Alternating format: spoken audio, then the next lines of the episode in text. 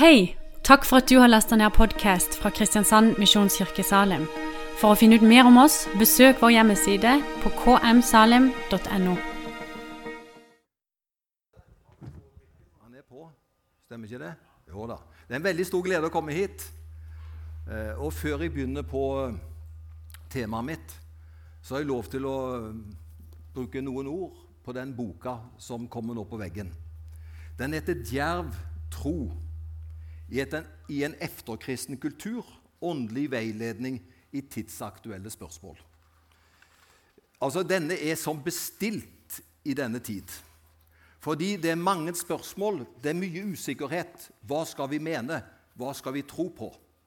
Og du vil få klare evangeliske svar ved å lese denne boken. Forordet er av Øystein Gjerme. Veien mot det etterkristne samfunn, Leif Jacobsen. Hvorfor ikke likekjønnet ekteskap, Øyvind Garder Andersen. Livets to utganger, Geir Stomnås. Og så kan vi ta emne for emne. Så jeg har lyst til å nevne ett emne, for vedkommende er her i dag. Det er rett og slett eh, Hva kjennetegner tiden vi lever i? Det er Peter Haltopp. Jeg kan bare si det at eh, jeg har lært han å kjenne de siste årene, og han vokser for hver gang jeg nesten møter han. Det er fantastisk å lese den innsikt og den Ja, det er så bra. Han bl.a. skriver om Tenk på de som vokser opp i dag, som ikke kjenner til noe annet enn en, enn en skjerm. Mobilskjerm eller en PC-skjerm eller brett. ikke sant? Det eneste de vet om de som vokser opp i dag, det er å se foran et brett. Hvordan skal vi nå de med evangeliet? Og der har han gode ting. Så jeg, jeg har jo sagt det, jeg fikk anledning til, til å snakke til alle pinselederne i, i Norge på, på, på web, og da sier jeg at det bare for det kapittelet så bør du kjøpe boka. Men så finnes det så mye bra. Ja, du vet at eh, vi har gode relasjoner etter dette, ikke Peter? Men jeg vil bare si det at det, boka anbefales. Jeg står ved foajeen når samlingen er slutt, og så kan du få lov å ta med deg. Det er også spørsmål etter hvert kapittel, så man kan bruke det som en studiebok. Dermed er den anbefalt. Og eh, du vil bli begeistra, det, det kan jeg love deg. For det er så bra. Ok, Da skal jeg nærme meg det jeg skal snakke om. Og jeg må jo få lov å si det er ikke jeg som har valgt tema. Så hvis du tror at jeg var så frimodig og så spurte kan jeg få snakke om Gud og mammon, så hadde jeg aldri gjort det. Jeg hadde aldri av meg sjøl kommet med dette. her. Men jeg er lydig, vet du. Så når jeg ble spurt om å si noe, så selvfølgelig sier jeg ja.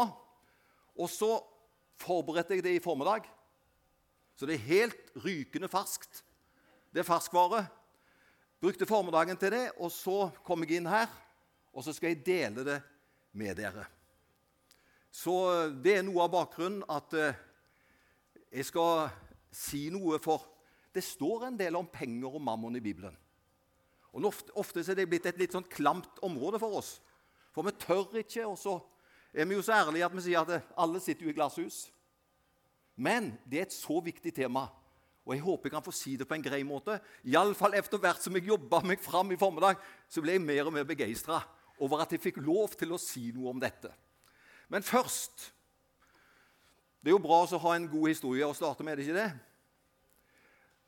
Anne Graham Lotz, datter til Billy Graham, var i Norge i 2007. Da hadde Jesuskvinner de leide Spektrum i Oslo, og tror du ikke de fulgte opp Spektrum i 2007? Det kom jo folk, kvinner, Jesuskvinner fra hele landet. Og Fra Rogaland så kom det to busser. En buss var satt opp i Haugesund, som tok den delen av, eh, av fylket og litt lenger nord enn bare Rogaland. Og så var det en annen buss som starta i Stavanger, og som tok Sørlandsstripa til Oslo. Og Framme i bussen så sto det plakat 'Jesuskvinner'. Fordi de skulle jo stoppe på forskjellige steder, og da visste jo de som sto der, det er den bussen jeg skal opp i. Og den som starta i Stavanger, det var en kjempestor begeistring og takknemlighet.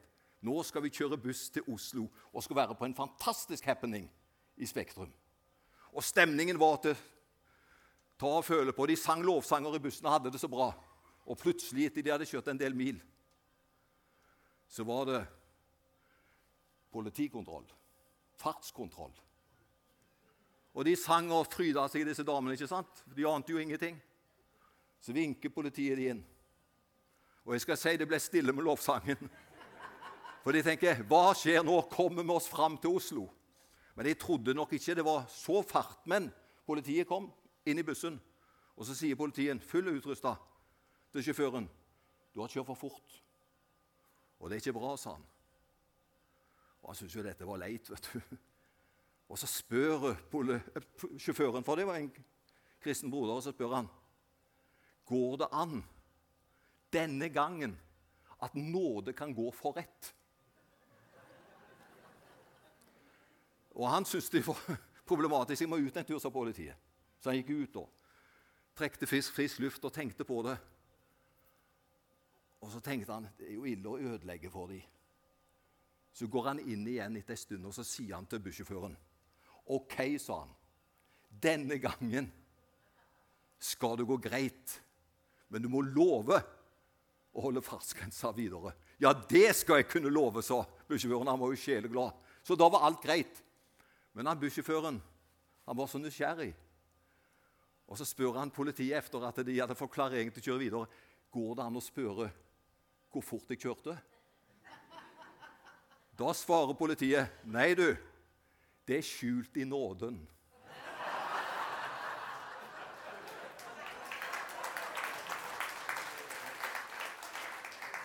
Han ba jo om nåde for rett. Og så er det skjult i nåden. Politiet var også en kristen mann, det skjønner du jo. Og så fikk de kjøre videre. Vet du hva jeg er veldig glad for? Alt det som er skjult i nåden. Tenk om ditt og mitt liv hele tiden skulle hatt lyskaster på oss. Og så skulle det skrevet detaljer om livet vårt. Ja, Da hadde vi kanskje ikke vært her i dag. Jeg er veldig glad for alt som er skjult i nåden. Det som er skriftstedet for det jeg skal si, for tittelen er jo Gud og mammon. 1. Timoteus 6,10. Der står det noe om penger. 1. Timoteus 6,10. Og jeg syns dette verset setter det på plass. For der står det slik For kjærlighet til penger er en rot til all slags ondskap. På grunn av den har noen i sin griskhet kommet bort fra troen og har gjennomboret seg selv med mange plager. Jeg er veldig glad for at det står det er kjærlighet til penger som er trøbbel, ikke pengene. Vet du hva? Vi trenger masse penger. Guds rike trenger at vi er gode forvaltere av det som Han har gitt oss. Men kjærlighet til penger, da nærmer det seg mammon. Da er det noe skummelt som har lett for å kjøre av sted med oss. Jeg vil bruke en fortelling som vi har i Bibelen, og jeg vil omskrive den. Du husker fortellingen da fariseeren og tolleren i tempelet Vi kan lese om det i Lukas 18, 9-14. Der sier jo tolleren noe når han ber.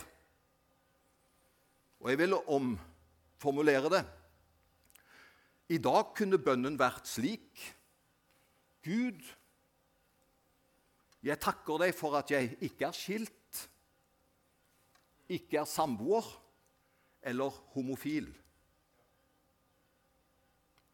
Det er noen få ting i dag som blir sett et grenseløst fokus på. Og kjære venner i Misjonskirken i Salem i kveld det er mange synder som går under radaren, og som i Guds øyne er like alvorlig. Derfor burde jeg egentlig være veldig stille her i kveld og et ransakende blikk. Er det ting som har gått under radaren, det er ikke blitt oppdaga, du skjønner? Men Gud ser alt, og i Guds øyne så er synd synd. Og ingenting er verre eller noe annet, for alt som er synd, stenger i vårt forhold til Gud. Men det var derfor Jesus kom. Og Derfor er jeg så glad for evangeliet. Det setter oss i frihet. Og det forteller at alle har mulighet når vi kommer til det verket som Jesus har gjort for oss. Vi skal være på vakt overfor våre holdninger, for vi er alle sammen svake mennesker som trenger nåde og tilgivelse.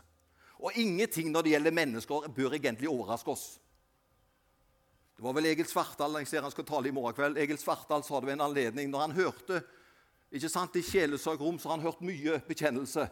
Og så sier Egil Svartdal egentlig alt dette kunne jeg gjort sjøl. Hvis ikke Gud hadde holdt sin bevarende hånd om mitt liv. Derfor står det, vet du, den som står, se til at han ikke faller. Derfor bør vi heller søke på Jesus og få hans kjærlighet og nåde og perspektiv i livet vårt. Da er vi ved også å støtte våre medmennesker som har det utfordrende. I dag er temaet Gud og mammon. Det er et tema som er krevende for oss som bor i Norge, og som lever i velstand og overflod. Grådighet og fråtsing er en utfordrende for den vestlige verden. Jeg må bare si det at jeg har, jeg har sagt det så mange til barna våre, særlig når de var små, når vi spiser. Vær så snill å spise opp all maten. Og ta heller så lite at du kan forsyne deg en gang til. For i dag er det blitt en kultur at halve maten blir kasta. Bibelen kaller det for fråtsing, og fråtsing er synd. I 2019 ble det kastet mer enn 417 000 tonn spiselig mat. Det ble kasta i vårt eget land. Det er et verditap på 20,7 milliarder kroner. Som bare, ble kasta i landet vårt. FN har estimert at en tredjedel av all mat som produseres i verden, blir aldri spist. En tredjedel. Vi kan jo ikke fortsette slik. Men det, det er faktum i den vestlige, rike verden.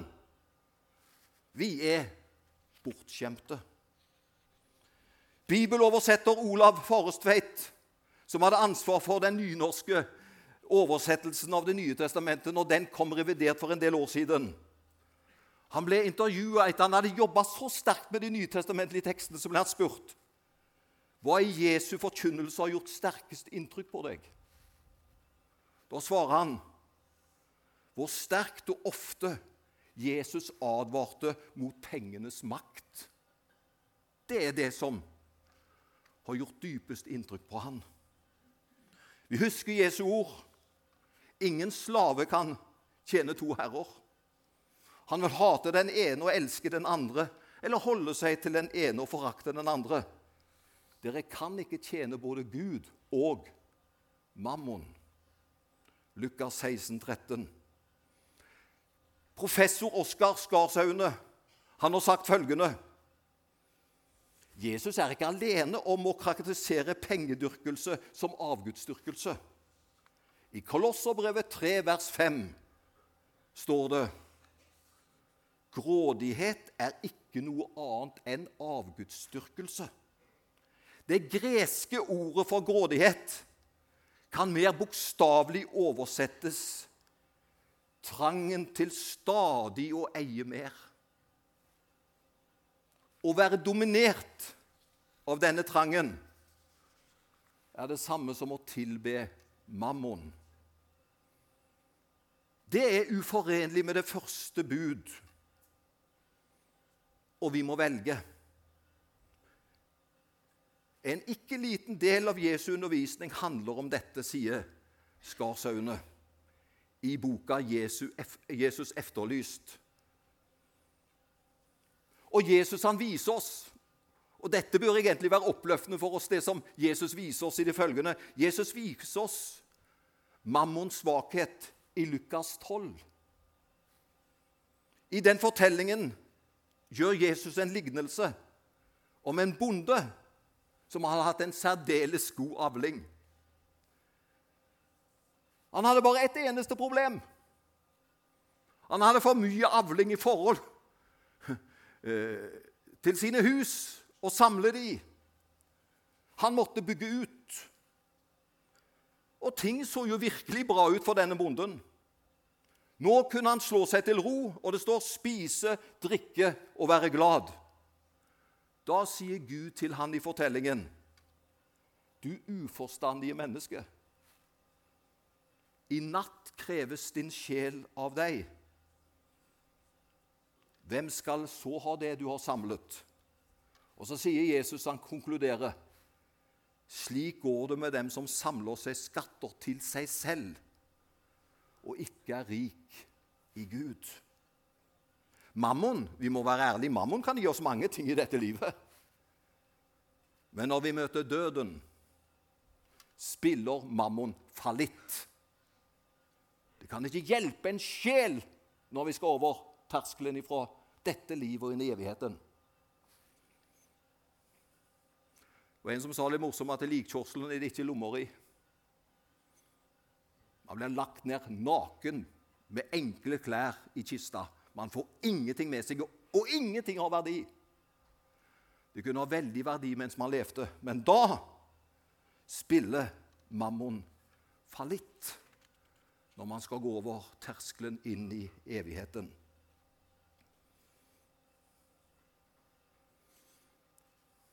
Dersom du tjener mammon, havner Gud på andreplassen. Men tjener du Gud, blir mammon din tjener og ikke Herren din. Det var ei dame som kom fram her og hviska kan du si noe om den eh, urettferdige mammon. Det er litt tøft å si det rett før du skal tale, for det er ikke mye tid å rå seg på. Men jeg skal allikevel ta det by the way. For den urettferdige mammon blir omtalt i Lukas 16, 9-13. Og Det som er det viktigste i den bibelteksten, når Jesus taler om den urettferdige mammon, og Jesus sier 'gjør dere venner', sier han, med den urettferdige mammon. Er ikke det interessant? Så Jesus var ikke imot penger. Han sa tvert om 'gjør dere venner med den', den urettferdige mammon. Hva betyr, og hva tar Jesus opp i den teksten? Jo, han tar opp vår forvalteransvar. Han snakker om å være trofast i smått. Den som er tro i smått, er tro i stort. Og det går på hvordan vi bruker de verdiene Gud har gitt oss. Det er det det hele den beretningen taler om. Fordi vårt forhold til penger er avslørende. Og da er spørsmålet forvalter vi vår rikdom slik at sjeler kan ta imot oss i de evige boliger. Hallo, det er det det dreier seg om. Hvordan er vi venner med den urettferdige mamma? Hvordan investerer vi i det? Hvorfor det, da? For at sjeler skal kunne møte oss på den andre siden når vi kommer til himmelen. Og jeg vet Det finnes mange mennesker her som har gitt årevis. Og jeg vil bare si det som en hilsen. Det er mennesker som takker Gud for det. For gjennom din gave så er det noen som har vært ute og forkynt, og så har de tatt imot og tror. Og du er like viktig som den som forkynte, for den som forkynte, var avhengig av din og min gave. Og Derfor skal det bli en lønningsdag en dag, når Herren vet hva du har vært trofast på. Og da vil den urettferdige mammon som du har vært investert i, de sjeler som da vil blitt frelst, de vil møte deg med takknemlighet og glede og jeg tror du vil få høre 'Takk at du var med'. Takk at du gjorde det. Det er det som gjør at jeg er her i dag. Skjønner du? Derfor er det det det dreier seg om. Så vi skal investere i noe som utgangspunktet kan brukes, og det kan misbrukes. Men bruker vi det på Guds rike, da bruker vi det rett. Og dette vil være til en så stor velsignelse. Vi i Vesten vi har jo pengene. Og Derfor har jeg lyst til å si la oss være gode forvaltere og ikke bare bruke det på oss sjøl. Og jeg har lyst til også å si det selv om jeg er i Kristiansand, la oss heller ikke bare bruke det på våre kirker. Vi må ha et mye større perspektiv enn det som er rundt oss. Evigheten er jo langt viktigere. Det ble jo sagt her at jeg har også et engasjement i tronsbevis. Og nå fyrer jeg løs, altså. Kan jeg få lov til det? Ja, det er flott. Jeg har fått lov. Jeg vil bruke tronsbevis som et eksempel på å satse i den. Ikke sant? Urettferdig å investere i den mammon, så skal de hilse oss en dag i himmelen. Tronsbevis underholder per i dag ca. 1300 nasjonale misjonærer. Da Arild døde, så var det 600-700. De som trodde at det skulle gå nedover når ikke Arild var lenger, de har tatt feil. For dette er Guds arbeid. I dag så er det 1300 nasjonale misjonærer, og vi har så store mål at vi tør nesten ikke å si det. Det er enormt, ikke sant? For vi vet behovene, og vi vet mange står med oss. En misjonær i Asia koster ca. 1200 kroner per måned. Tenk hva disse er med om. De kan språket. De kjenner kulturen. De er en del av befolkningen. Og så er de jo så billige. For det er ikke norske lønninger. Tenk hvor dette er. Tenk hvor mange som ble frelst gjennom de nasjonale misjonærene. Jeg er sikker på det er mennesker her som underholder en slik. Du skal glede deg en dag når du får møte de som er blitt frelst. Gjennom introkurset Det nye liv Jeg tror faktisk at det er lagd i kvin Lille Kvinesdal. Det er bare et, det et lyskryss der, du vet det. Og så er det Nico. Det er Stort sett mer er det ikke. Det er bitte litt, ikke sant? Og så fikk Arild tro for at han skulle skrive et brevkurs, introkurs. Jeg vet ikke, jeg. Seks-sju millioner har tatt det. Et år så ble like mange frelst ved å ta det som det bor i Kristiansand by. Er ikke det fantastisk? Skarer ble frelst. Og bare i fjor så planta disse innfødte misjonærene, særlig i Kina, men andre steder også, de planta over 2100 kirker. Snakk om menighetsplanting. Er dette å investere i Guds rike? Er dette å gjøre seg venn med den urettferdige mammon og bruke den? Ikke på oss sjøl. Det skal vi gjøre, men ikke sant? det må ikke bare bli det. Og det må ikke bare bli våre kirkebygg. Men det er Guds rike som må få den største gevinsten. For vi er frelst, og for intet har vi fått det, og for intet skal vi gi det. La oss bruke den urettferdige mammon til Guds ære. Nå skal jeg avslutte, for jeg skal holde på ca. en halv time og gjøre fem minutter igjen. Det skal være, være korrekt, vet du. Eh, det står noe fantastisk flott i profeten Haggai. Kapittel 2. Jeg vil bare si Les gjerne det når du får litt tid. Profeten Haggai, kapittel 2. Det som er historien der, det er at eh, jødefolket er blitt bortført. Og så har Gud talt til dem at tempelet skal bli gjenoppbygget. Og så er det jo noen da, vet du, som har sterke, gode minner om hvordan det forrige tempelet var. Og det nye ble jo ikke akkurat prikk likt, vet du. Og da blir det et problem. For man sammenligner det med det som var før, istedenfor å glede seg over at tempelet er oppbygd. Så noen var misfornøyd, for det var jo bedre forrige tempelet. Men så var det andre som ikke hadde sammenligningsgrunnlag. De ble så glade. Tenk at tempelet er blitt bygd opp igjen. Og så står det noe veldig fint der. Der står det at det andre tempelet som skal bygges opp Jeg føler dette er et profetisk bilde inn i vår tid. Det er gudshuset som bygges i dag, som skjer gjennom menigheter og kristenfolk i Norge og i hele verden. ikke sant? Det er gudshuset som dette i sum er, som bygges i dag. Det skal bli fullt av herlighet. Fordi Herren sier både sølv og gull tilhører meg. Og Guds gjerning, sier han, skal bli større enn noen gang. Derfor tror jeg på en tid nå som vi går inn i. Selv om det er noe politisk og det som skjer i Ukraina, er jo urovekkende, så tror jeg på en tid hvor det skal bli en veldig finale for Guds menighet. Hvor vi skal få se at sjeler skal bli frelst. For dette er hovedsaken for Mesteren. Det var derfor han kom og døde for oss. Og da må det som han har gitt oss av muligheter, det må bli brukt til Guds ære. Vi er kalt til å tjene Gud og bruke mammon i utbredelsen av evangeliet. Og så vil jeg avslutte med Paulus avskjedsord i apostlenes gjerninger 2035. Og Da blir også det mine avskjedsord. Kan jeg få være, eller gjøre det litt sånt omskrevet? Til dere frie venner så kunne dette være avskjedsord til de frie venner fra Nordkveldet. Er det pinsevenner her i dag, så kunne dette være avskjedsord til pinsevenner fra TB Barat. Og fra Misjonsforbundet Fransson, f.eks. Ja, altså, skjønner du? Det, det, det er disse her en svære som, som gir en siste hilsen til fotsoldatene. At dette må de ta med seg videre, for det er så viktig. Det er et sånt ord Paulus gir som en avskjed. Og det står at de gråter, for de vet de kommer aldri til å møte han mer. Og du vet, Når du har vært sammen med Paulus, og han har betydd så mye, og de vet de får aldri møte han mer, så er det jo ikke sant. Det er sorg. Hvordan skal det gå? Og der kommer Paulus med en fantastisk hilsen. Og det er noe av det siste jeg skal si før jeg går ned.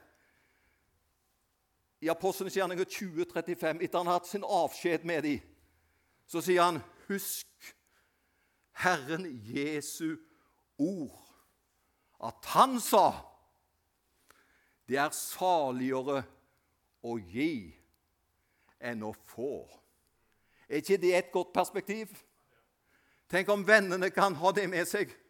Paulus reiser. Etter en stund så dør han. Men så får de med seg dette budskapet som brenner seg ned. Husk, det er saligere å gi enn å få. Vil du være salig? Vil vi være med på det Gud gir? Da tjener vi ikke mammon, men vi tjener Gud, og Guds rike skal gå fram. Amen.